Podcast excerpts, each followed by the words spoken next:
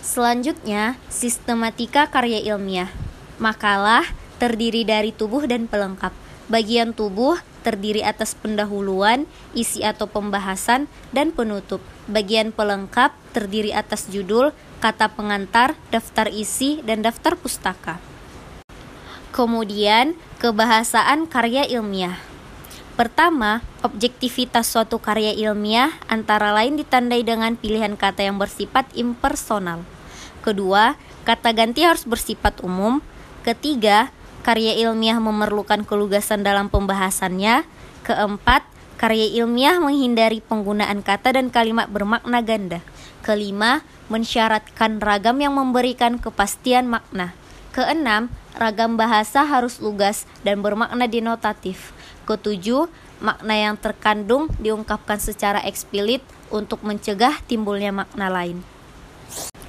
Nah, materi selanjutnya adalah langkah-langkah menulis karya ilmiah. Pertama, kita menentukan topik yang akan dibuat. Penentuan topik harus berisi masalah yang menarik perhatian penulis, dikuasai penulis, aktual, serta lingkupnya terbatas. Kedua, membuat kerangka tulisan. Membuat kerangka tulisan dapat membantu penelusuran sumber-sumber yang diperlukan dalam pengembangan. Ketiga, pengumpulan bahan. Pengumpulan bahan memerlukan teori dan data yang mendukung topik yang dibahas. Keempat, pengembangan kerangka menjadi teks yang utuh dan lengkap. Dengan memperhatikan kaidah-kaidah kebahasaan yang berlaku, maka penulisan karya ilmiah akan terlihat lebih indah. Nah, selanjutnya saya akan memberikan tips membuat karya ilmiah dengan baik dan benar.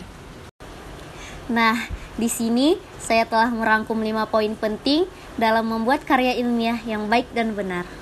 Yang pertama, pastikan topik yang kamu pilih menarik pembaca. Yang kedua, perbanyak membaca dari berbagai macam sumber terkait.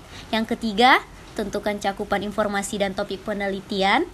Dan keempat, perhatikan cara penulisan serta lakukan evaluasi dan cek ulang.